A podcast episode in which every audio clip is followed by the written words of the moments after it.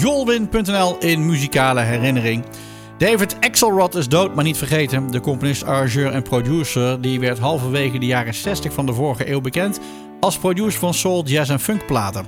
Eh, David Axelrod die groeide op in South Central Los Angeles en hij luisterde naar R&B en jazz.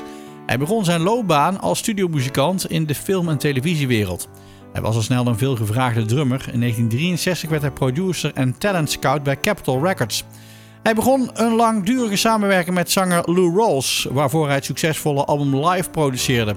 Ook was hij betrokken bij de hitsingles Love is a Hurting Thing, Your Good Thing is About to End en Dead End Street. Tevens ging hij werken met saxofonist Julian Cannonball Adderley, een van de meest succesvolle jazz crossover muzici in de jaren 60. Hij produceerde diens bekende album Mercy, Mercy, Mercy live at the club met daarop ook de jazzhit Mercy, Mercy, Mercy. In 1970 verliet David Axelrod Capitol Records. In de jaren erna kwam hij met een rockversie van Handels uh, oratorium Messiah en verschillende soloalbums. Zijn benadering van de muziek was in de jaren 80 niet meer in de mode en drie albums die hij toen maakte werden niet uitgebracht.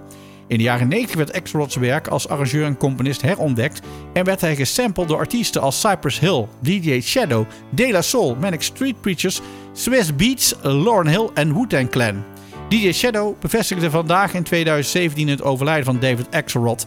DJ Shadow gebruikte in 1996 voor Midnight in the Perfect World het nummer The Human Abstract van het album Songs of Experience van David Axelrod. Op hetzelfde album stond A Little Girl dat Manic Street Preachers in 2013 gebruikte voor de titeltrack van hun album Rewind the Film.